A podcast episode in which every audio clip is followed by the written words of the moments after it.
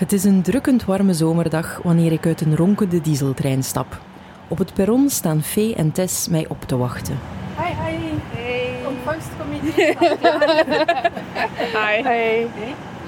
Zijn jullie al goed opgewarmd ondertussen? Ehm, we zijn heel blij dat ons huis eh vier, vijftal graden koeler is dan hier. Oh, zalig. Hè? Ja. En hier, dat is in Eine, een deelgemeente van Oudenaarde. Voilà, onze regenboogmat van de IKEA. Haha. Niet alleen een regenboogmat voor de deur, maar ook op andere vlakken gaat het er bijzonder kleurrijk aan toe ten huize Fee en Tess. Ik ben Tess. En ik ben Faye. Jullie zitten hier voor mij en jullie zijn wel zeer opvallend. Hè? Mag ik dat zo zeggen? Goh, ik weet het niet. Eh, Ik, ik zie, ik zie Met- met een regenbooghaar. Ik zie volledig groen haar. Ja, voor, eh, ik heb dat een beetje opgepikt na u. ja, Ehm Vee kleurt hun haar al... ik denk 2017 was de eerste keer dat ik het volledig heb afgedaan met de tondeuze. En sindsdien ben ik ook, ja, al mijn haarkleuren fluctueren gaande van 50-50 met dan groene ondergrond en paarse hartjes aan de ene kant. En nu een regenboogvlag. Ehm, het zijn al een keer bloemetjes geweest voor onze verlovingsshoot. Dan had ik echt een bloemenkroon.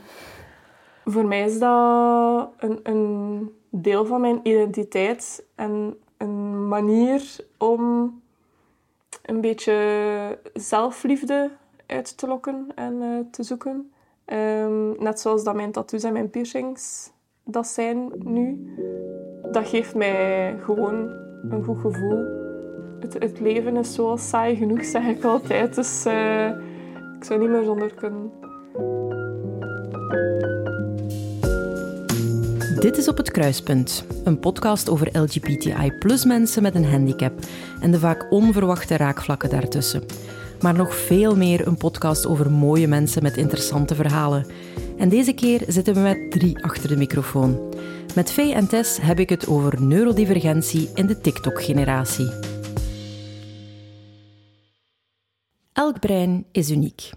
Er is een enorme diversiteit binnen onze neurologische ontwikkeling. Mensen met een statistisch normale hersenontwikkeling noemen we neurotypisch. Mensen die in min of meerdere mate afwijken van dat gemiddelde noemen we neurodivergent.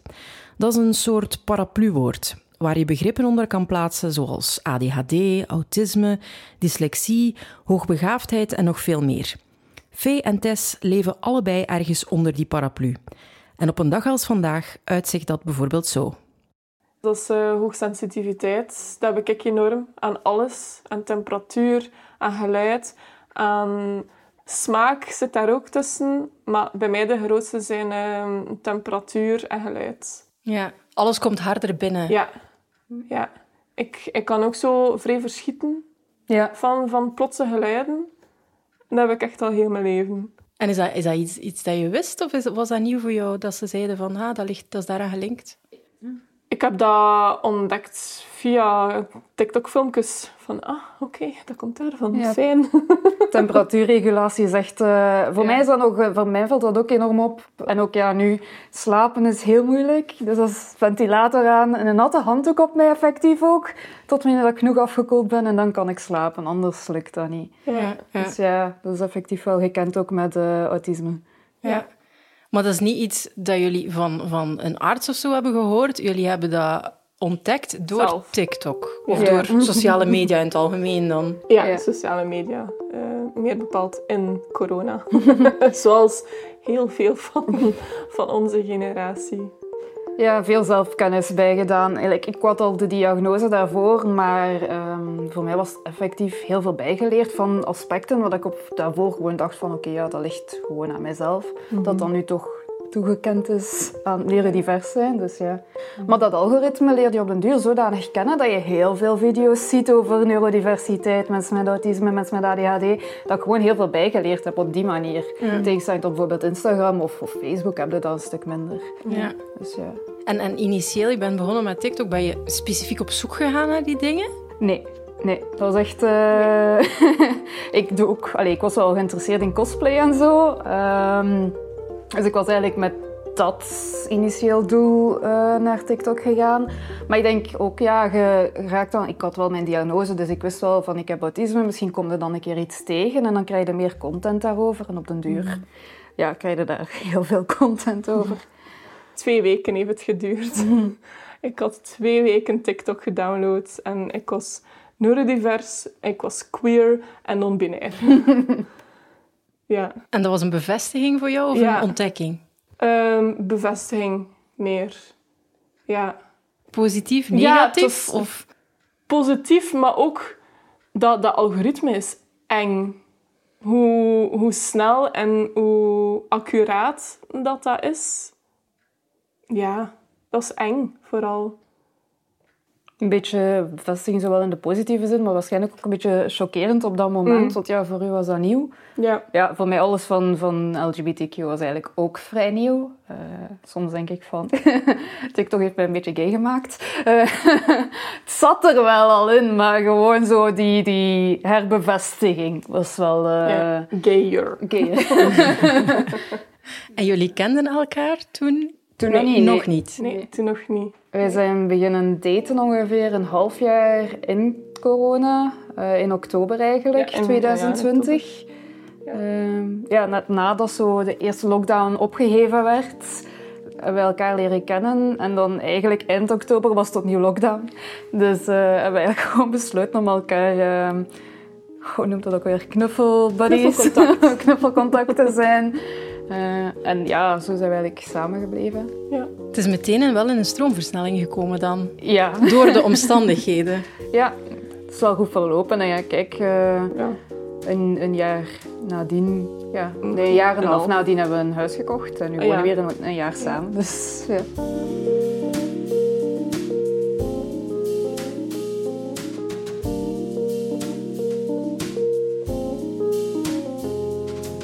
We gaan misschien een keer even ehm, terug naar jouw test. Mhm. Je sprak over het feit van, ja, ik had mijn diagnose van autisme al. Hoe is dat bij jou gegaan? Hoe ben jij opgegroeid? Ehm, ja, als kind heb ik eigenlijk nooit echt heel veel effect ervaren. Uh, behalve zo wat uh, um, cliché-zaken, zoals wel wat pestgedrag. Uh, een van de opvallende dingen dat ik een beetje jammer vond, dat dat nooit verder onderzocht geweest is. Ik liep ook op mijn tenen, wat dat echt zo typisch is voor uh, personen met autisme. Um, ik heb dat overlaatst een keer met mijn ma besproken en die zei ook van... De dokter, uh, ze is dan met mij naar een dokter geweest en de dokter had direct gereageerd van je gaat toch ook niet denken dat ze autisme heeft. Uh, dus ja, op dat moment had er misschien wel een belletje moeten rinkelen. Maar op zich is dat nooit echt naar voren gekomen. Ik heb ook een heel speciale jeugd gehad. Uh, mijn vader was een stuk ouder dan mijn moeder. Uh, dus ik hij was 60 toen ik geboren ben. Met als nadeel ook dat mijn uh, papa, toen dat ik ongeveer 11, 12 was, diagnose gehad heeft van Alzheimer. En hij is tot, allee, heeft altijd bij ons gewoond ook, ondanks zijn diagnose. Dus ik heb een groot deel van mijn tienerjaren gespendeerd met helpen zorgen voor mijn papa. Mhm. En hij is ook op zijn, op, toen ik 18 was, uh, overleden. Dus ja. een beetje een speciale jeugd, waar ik ook heel snel volwassen moest worden. Ja. En ik denk daardoor dat mijn autisme ook altijd zwaar onder de radar gebleven is omdat ja, het snel volwassen zijn is vaak ook wel een aspect ervan. Maar bij mij viel dat niet op, want ze weten dat allemaal aan mijn moeilijke achtergrond. Ja. Um, hetgeen dat ik meestal heb afgezien was ook op mijn 15, 16. Um, voornamelijk omdat ik dan echt ook ben beginnen merken van er is iets mis met mij. Ik ben niet gelijk de gewone mensen in mijn omgeving.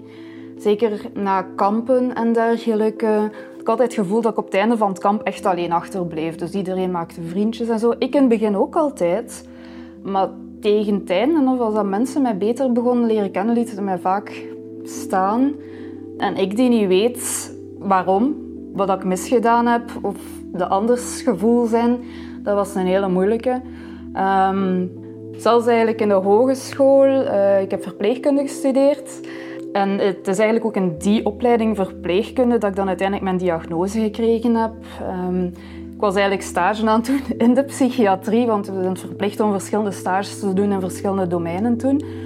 En het was daar dat mijn mentor zei van misschien moet je ook niet keer laten testen. Zo even terloop, zo. ja, dat, was, dat, was, dat kwam iets harder toe dan, dan dat ik uh, gehoopt had. Zeker ook omdat um, kreeg, kreeg ik ook op die stages te horen van je komt heel arrogant, over. Uh, ondanks dat ik van binnen echt gewoon compleet onzeker was. Mm -hmm. Ik was echt stressen en bang om, om iets verkeerd te doen. Dus ja, dat is heel raar als je dan arrogant genoemd wordt. um, ik denk dat dat voornamelijk komt bij mij omdat ik altijd die bevestiging wou zoeken van ben ik juist, heb ik gelijk, is mijn gedachtegang correct?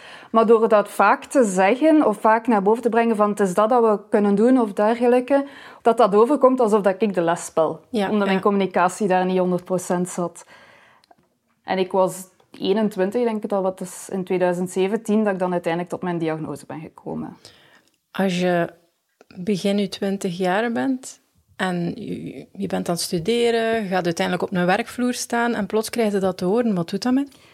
Dat was een hele moeilijke. Ik denk dat het langs de ene kant wel een, aangenaam was om eindelijk te bevestigen van al die jaren van oké, er is wel degelijk iets mis met mij of het ligt wel degelijk aan iets. Ik ben dan ook beginnen werken in uh, een operatiekwartier op Maria Medlares. Uh, ik, vond dan, ik heb dat een jaar gedaan, heel leuke ervaring, um, heel veel opgedaan. Maar daar ben ik ook tot de conclusie gekomen dat um, alles wat dat te maken heeft met heel veel dingen tegelijk moeten onthouden en zo, dat dat niet gaat voor mij. Mm -hmm. Dus daar ben ik ook echt op een muur gebotst van oké, okay, er zijn beperkingen aan wat dat je kunt. Uh, ik denk dat dat de eerste keer was in mijn leven dat ik effectief zoiets had van oké, okay, dit is niet mogelijk voor mij. Dus dan ben ik op zoek gegaan naar iets anders, nog een tussenjob gedaan en dan ja, nu in het Heeland Ziekenfonds terechtgekomen. Uh, in een job waar ik eigenlijk wel echt mij op mijn plaats voel en waar ik ook merk dat ze echt hun best doen om mij met mijn autisme uh, goed te kunnen laten werken. Hm. Dus uiteindelijk wel op je pootjes terechtgekomen. Ja, Iets zeker. gevonden dat u ligt. Ja.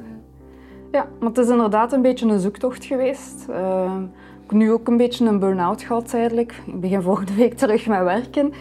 Um, ja, omdat je ook wel merkt van onze grens ligt niet even ver als bij andere personen. We moeten echt wel rekening houden met veel meer zaken, zowel in het dagelijks leven als in het werkveld, dan anderen.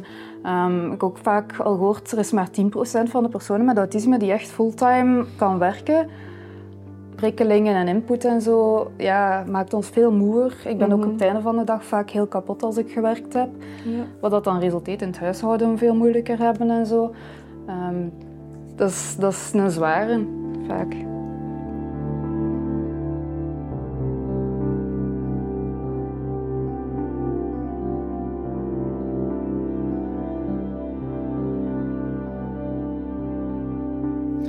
Jij had je diagnose van autisme, maar jij, Fee, je hebt je ook laten testen, hè? Ja. Hoe is dat bij jou gegaan? Um... Wacht, even mijn gedachten op een rijtje. Um... Ja, ik had dan besef van, oké, okay, ik moet misschien wel een keer wat verder kijken naar... Dat was na de TikTok-filmpjes. Na de TikTok, ja. um, kwam ik meer en meer tot besef van, hmm, ik herken mij een beetje te veel in al die zaken. En ik was toen ook um, een paar keer op date geweest met uh, iemand die ook um, zich ondertussen heeft gediagnosticeerd of laten diagnosticeren. En uh, die persoon heeft mij doorverwezen naar een psychiater in Gent. En hij heeft dan een vragenlijst afgenomen en grote indicaties van ADHD staat er dan zo op. Um, en heeft mij doorverwezen naar een diagnostisch centrum. En ja, eerst ADHD laten testen en daarna toch ook verder gekeken voor uh, autisme. Ja, eigenlijk had ik al verwacht dat ik geen diagnose ging krijgen, omdat de DSM en de diagnostische criteria zijn niet gebaseerd op vrouwen of ja, niet mannen met autisme of ADHD. De DSM dat is een klassificatiesysteem voor psychische aandoeningen. Het is zowat de bijbel voor de psychiatrische diagnostiek. Maar die blijft zeker niet zonder kritiek. Zo is homoseksualiteit lange tijd een DSM-diagnose geweest en werden veel aandoeningen voornamelijk vanuit mannelijk perspectief besproken. Dus ik had toen zoal iets van, ja, de kans dat er hier iets gaat uitkomen met mijn volledig gemaskeerde jeugd, ehm, mijn weinig jeugdherinneringen. Uh, ik ben ook een, kind van scheidingen, dus ook heel snel volwassen moeten worden. Had ik zoiets van, ja oké, als ik het niet heb, so be it. Maar ik lag er overal net onder. Dus je moet zeven punten hebben voor autisme-diagnose te krijgen en ik had er zes. Jij lag net onder die grens. Ja. En je zegt, ik had het, ik had het niet verwacht, omdat die DSM daar niet is op ingesteld. Ja. Kan je, kan je dat wat meer duiden? Waar dat, dat verschil dan ligt voor jou? Of is dat iets dat we aan een dokter moeten vragen? Ja, misschien best. Uh, ik weet niet of ik daar de beste persoon voor ben om daar iets rond te zeggen. Um, maar de, de research dat ik heb gedaan, komt allemaal op hetzelfde neer. En dat is gewoon dat er veel te weinig onderzoek is gebeurd al naar meisjes en zelfs gewoon naar volwassenen met hun neurodiversiteit. Dus ja, je kunt het ook gewoon niet verwachten dat de diagnostische criteria daarop al afgestemd zijn. Het, het feit is ook dat ADHD in vrouwen um, manifesteert zich vaak later in het leven. En de vragenlijst voor de ADHD-test die ik heb gekregen was hoe was dat in je jeugd en hoe is dat nu? En als je niks van indicatoren hebt in je jeugd, dan kun je geen diagnose krijgen. Want ah nee, je hebt het niet al voor heel je leven. Mhm ja, één, ik heb weinig tot geen herinneringen aan mijn jeugd. En de herinneringen die ik heb, weet ik dat ik toen enorm aan het maskeren was. Omdat ik zo weinig mogelijk last wou zijn voor mijn ouders. Omdat die door een, een vrij zware scheiding aan het gaan waren. Dus ik dacht van, weet ik zal gewoon mijn kop naar beneden. Ik doe mijn schoolwerk ehm, en ik ga zo weinig mogelijk last zijn tot iedereen. En ja, wat dat mijn ma nu ook zegt van... Oh, maar met u hadden wij geen last. en je deed je alles op je eentje. En je studeerde je op je eentje. Ik moest u nooit opvragen. Want ik had dat ook niet graag. Terwijl het gangbare idee van mensen met ADHD wel de lastpakken zijn hè, op school en thuis. Mhm. Ja, dat, dat is ook iets wat ik ben gaan beseffen. Is uh, de criteria of de symptomen um, van ADHD en autisme is vaak vanuit het standpunt van de outsiders. Van de mensen die met u moeten omgaan, tussen aanhalingstekens. Um, dus ja, als jij geen last zijt voor je omgeving, dan kunt jij toch geen autisme hebben. Of dan kunt jij toch geen ADHD hebben. De, de constante opmerkingen van... Jij, ADHD, allee, je bent zo rustig. Ja dat is enorm frustrerend, maar ja, ondertussen hebben we ons daar wel een beetje bij neergelegd, denk ik. Want die, die veruiterlijking van, van ADHD of, of neurodivergentie in het algemeen is voor iedereen helemaal anders. hè? Mhm. Ja, mhm. we spreken ook enorm over een spectrum. Gelukkig zijn ze daar wel wat aan van afstappen dat autisme één beeld is. Um, er wordt wel echt gemeten op verschillende aspecten, van sociaal tot ja, hypersensitiviteit tot ook dwangbewegingen moeten maken en dergelijke. Dus ze kijken echt wel naar heel veel aspecten ervan. Mm.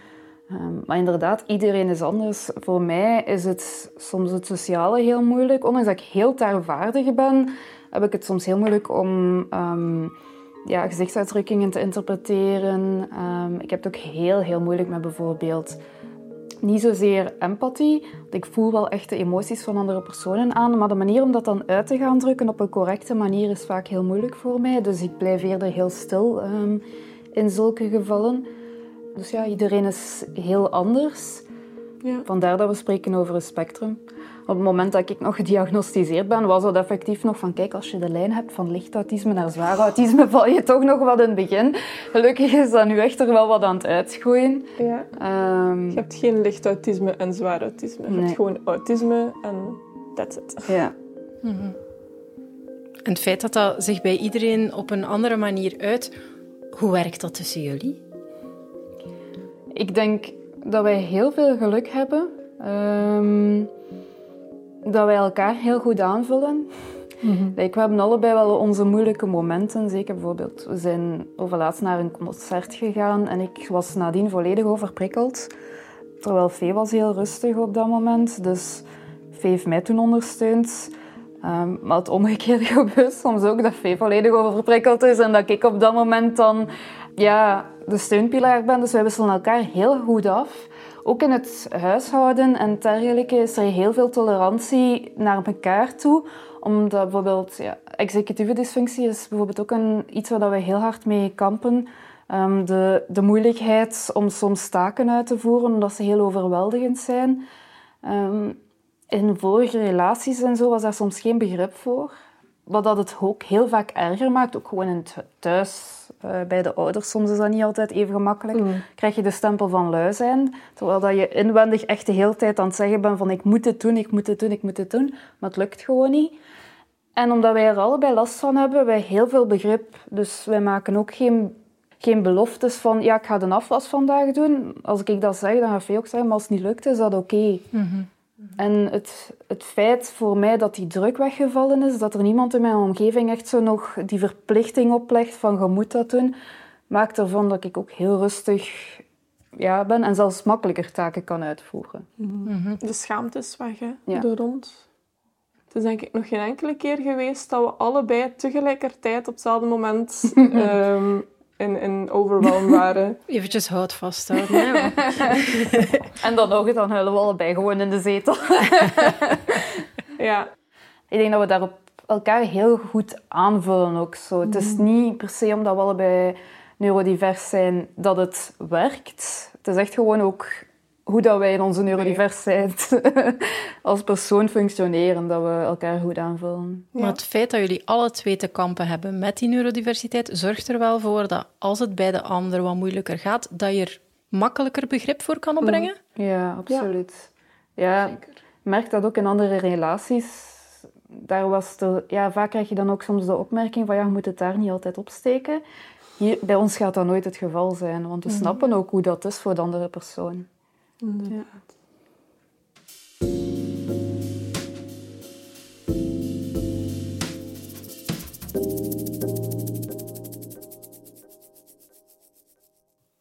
Je zei daarnet dat je net eigenlijk uit een burn-out komt. Mhm.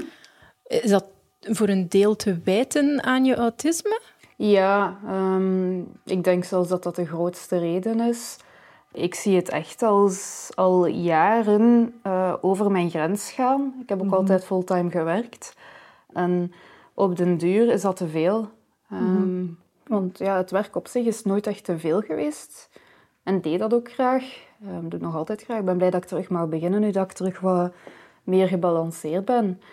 En ik heb een auticoach die met mij heeft samengezeten en gekeken hoe dat we dingen kunnen aanpakken. Ik heb ook een vertrouwenspersoon gekregen bij wie dat ik terecht kan als er iets zou zijn. Um, dus we hebben echt wel de werkomgeving nu aangepast. Um, en ook in het dagelijks leven gaan we daar rekening mee houden dat we echt het rustiger aan moeten doen. Tijdens COVID had je niks van activiteiten en we hebben allebei gemerkt dat wij dat niet meer kunnen. Mm -hmm. En ja, na COVID is dat toch terug opgepikt en begon dat toch terug drukker te worden. En dan zeiden we van oei, dat gaat hier niet meer. Dus wij moeten ook onze sociale activiteiten gaan aanpassen nu. Ja, ja met, heel het corona gebeuren en de lockdown en, en alle aanpassingen. Daaruit pas blijkt hoe ableist dat onze maatschappij in elkaar zit. Want voor een globale pandemie kunnen ze plots thuiswerk voorzien. En zorgen ze voor mondmaskers dat je moet dragen. En al die andere aanpassingen die ervoor gezorgd hebben dat er nu geen corona meer is, of minder. En alles is terug naar normaal. En iedereen met chronische ziekten, iedereen met um, neurodiversiteit, die moet zijn plan maar trekken. En dat is enorm tragisch eigenlijk. Maar je ziet dat alleen maar als je daar zelf in zit. Mhm. Hoor ik dan nu dat de dingen die gebeurd zijn tijdens corona, of de maatregelen die dan getroffen zijn, voor een deel tegemoet komen aan de behoeftes die jullie hebben? Ehm, heel eerlijk, die eerste drie maanden lockdown was de beste tijd van mijn leven. Echt waar. Het, het aspect van, van veel mensen die ziek waren, en, en dat blijft vreselijk. Hè? Voor mij persoonlijk, ja, je, je mocht niks doen. Zalig, want dan moest ik ook niks doen. Um, ik woonde natuurlijk ook nog thuis, dus financieel had ik wel minder uh, of geen zorgen. Na, naar mijn gevoel ben ik enorm verwend geweest toen. Door het feit dat die go-go-go van de maatschappij, dat dat even gedimd werd zo. Ja. En ja, geen sociale verplichtingen meer. Je moest niet naar feestjes gaan of naar familie gaan, want je mocht niet. Pas daarna is het besef gekomen van... Ja, de maatschappij is niet gemaakt voor mij. nee. Ik, ik merk dat veel mensen gewoon terug naar vroeger zijn gegaan. En als je dan nu als persoon met beperking um, tegemoetkomingen vraagt, dat je vaak zoiets krijgt van, nee, wat vraagde hij nu? Terwijl dat twee, drie jaar geleden was dat vanzelfsprekend, want er was een pandemie. Mm Ja. Autisme is heel sterk gekend ook met een, een strong sense of justice, rechtvaardigheidsgevoel. Uh, met als gevolg dat we heel graag meedoen ook aan podcasts zoals deze, fotoshoots, om echt ook zowel het queer zijn wat meer in de kijker te stellen als het autisme. Uh, want net zoals dat er heel weinig kennis is rond autisme, merken we ook, wij zijn allebei non-binair, uh, dat daar ook heel weinig respect nog voor is in de algemene maatschappij. Mensen zien dan nog altijd heel zwaar, bij de gemiddelde Vlaming toch, als iets vreemd. Um, dus we proberen ook wel wat naar te streven om dat meer bekend te maken. Mm. Meer de, de virtuele piketten ook omdat de, de effectieve protesten zijn niet, niet altijd en zelfs nooit neurodivers-vriendelijk. Omdat het leidt veel volk vaak te warm. Um, dus ja, ik wil daar altijd heel graag naartoe. Um, maar dan proberen we zo'n dingen te doen.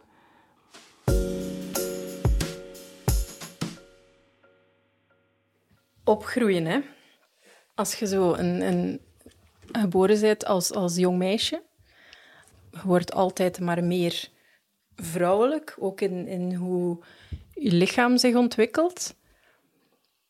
Is dat iets dat, waar dat je naar keek en zoiets had van poeh, hier voel ik mij niet zo goed bij? Of hoe is dat geëvolueerd naar je non-binariteit nu? Ik heb altijd wel heel zware um, body dysmorphia gehad, dus mij niet echt thuis voelen in mijn lichaam. Ik ben ook altijd zwaarder geweest alles is een beetje in stroomversnelling gekomen toen dat ik 25 was. Uh, waarbij dat ik ook zowel effectief de stap gezet heb even van ik wil geen mannen meer daten.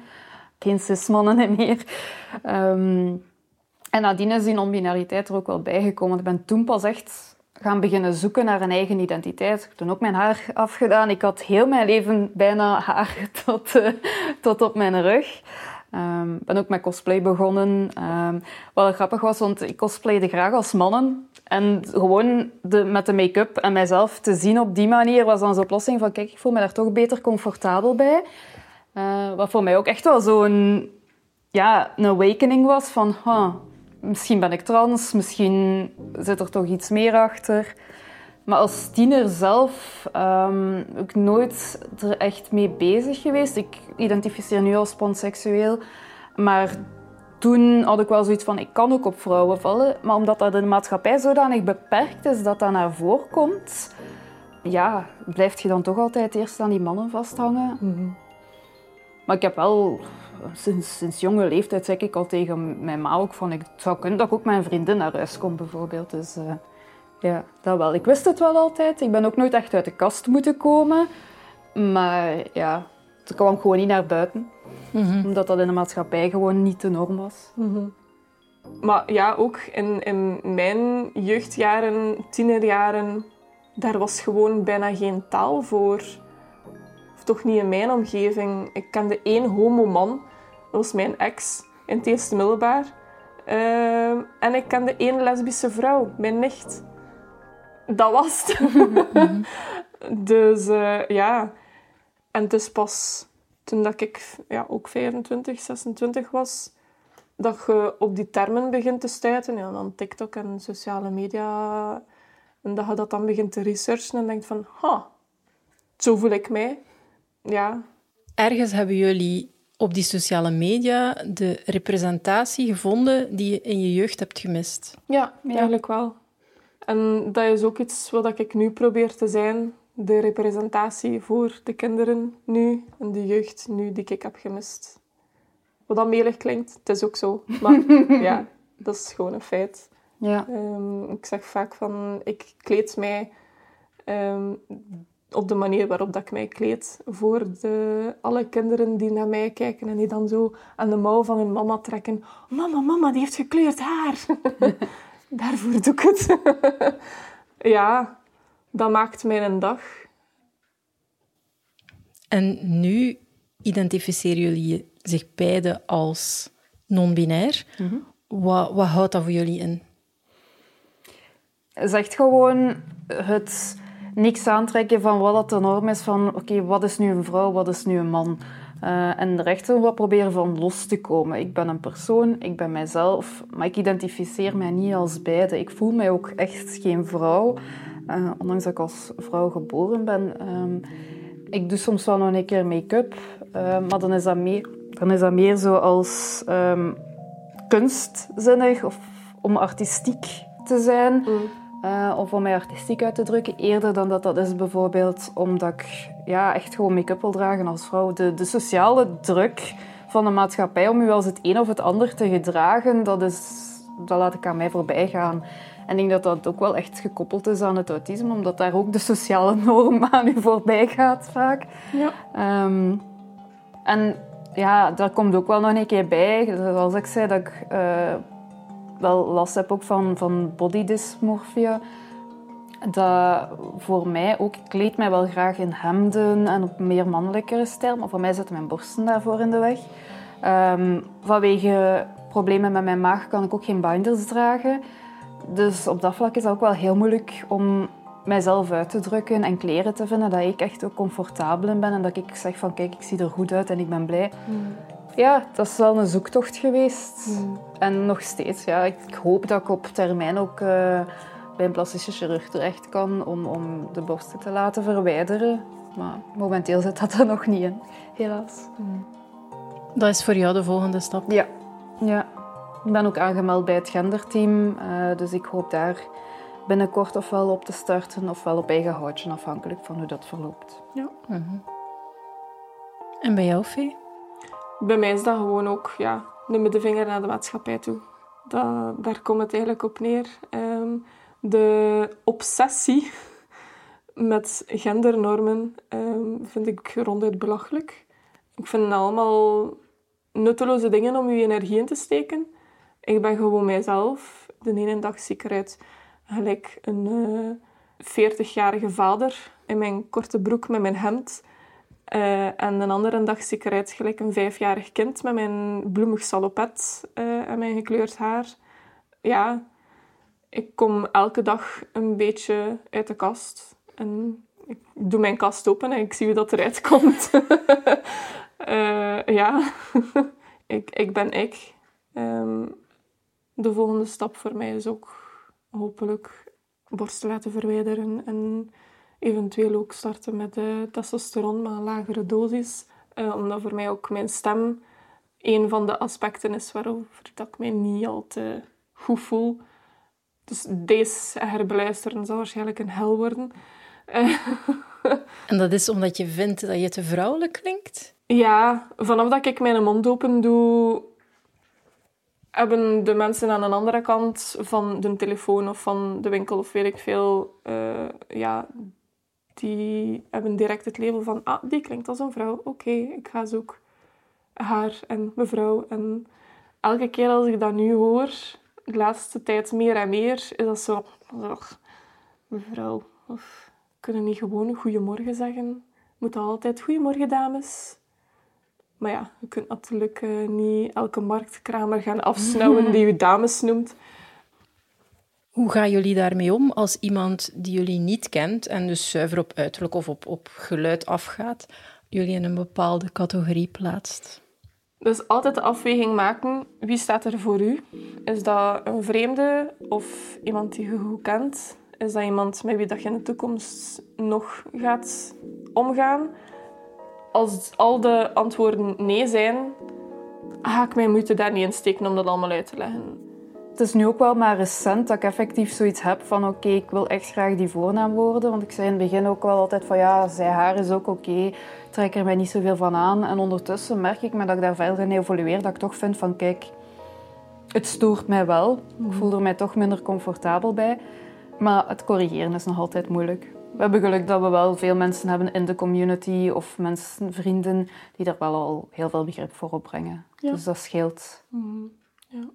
Om helemaal full circle te komen, voor mij is dat eigenlijk een manier van maskeren. Het niet opeisen van die ruimte die je verdient. Uh, Ik zal maar niet moeilijk doen.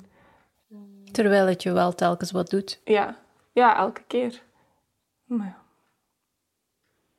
Hoe denken jullie dat dat kan veranderen of zou kunnen veranderen? Ik denk dat Savaria daar eigenlijk momenteel goed bezig in is, of goed in bezig is, met de klik. Zij gaan rond naar bedrijven en scholen en organisaties om uitleg te doen. Dus ik denk dat dat wel een grote stap is. Um, het, het is niet aan, aan de individuele persoon om al die moeite te doen het is erg dat uh, seksuele opvoeding bijvoorbeeld nog steeds heel heteronormatief is. Uh, en alles wat dat over ons, um, over de community in de media komt, wordt zo vertrokken en verrokken en, en omgedraaid dat de media alleen maar schadelijk kan zijn tegenwoordig. Zelfs al is de intentie positief. Mensen begrijpen het niet, ze kennen het niet. Ze doen ook geen moeite om het te leren kennen. Dus zijn ze vijandig. En zitten ze te zeggen van ah, het wordt hier door ons strot geduwd. En terwijl dat de afgelopen honderden jaren um, alleen maar hetero mensen en alleen maar cis mensen, alleen maar um, able mensen, alleen maar witte mensen. Um, welke groep hebben we nog? uh, Dus vanuit er nu een zwart persoon, een queer persoon, een disabled persoon of iemand met een uh, hijab in een reclame of in tv of in de media komt, is het iedereen op zijn achterpoten. En het wordt er ons strot geramd. En je mag niet meer wit zijn. En je mag niet meer hetero zijn. Ja. Dus ik merk het ook zeker bijvoorbeeld in, op mijn werk. Ik werk nu ook bij een marketingdienst. Wij zijn wel... Wij proberen toch um, divers te zijn. Mm maar je merkt van zodra je bijvoorbeeld gewoon een homokoppel in de reclame laat zien, of een zwarte vrouw, dat wij daar direct opmerkingen over krijgen. En dat is eigenlijk echt schrijnend. Mhm. Zeker als je zelf tot de community behoort, dan is dat echt mhm. heel moeilijk om daarmee om te gaan. Ik denk, er is nog een heel lange weg te gaan. Ja. Gewoon de gewoonte kweken om inderdaad niet meer dag mevrouw of dag meneer te zeggen. Um, jammer genoeg is de community ook niet altijd zo neurodivers vriendelijk. Mm. Uh, ja, Pride is echt voor ons een hele moeilijke. Ja. Uh, op dat vlak is T-Day uh, een hele mooie. Zij spenderen ook heel veel aandacht aan mensen met een beperking. Ja. Um, door ook stille ruimtes te voorzien mm. en, en, toegankelijkheid te voorzien. Mm. Dus dat is ook wel een, een belangrijke dat niet vergeten mag worden binnen de community zelf. Er is één organisatie in Vlaanderen die um, letterlijk het kruispunt um, behandelt tussen neurodiversiteit, autisme meer bepaald, en queer zijn. Oud en oud. Zij zijn goed bezig, denk ik, met die, dat, dat kruispunt in de community te brengen. Dus ja, daar is wel nog wat werk aan.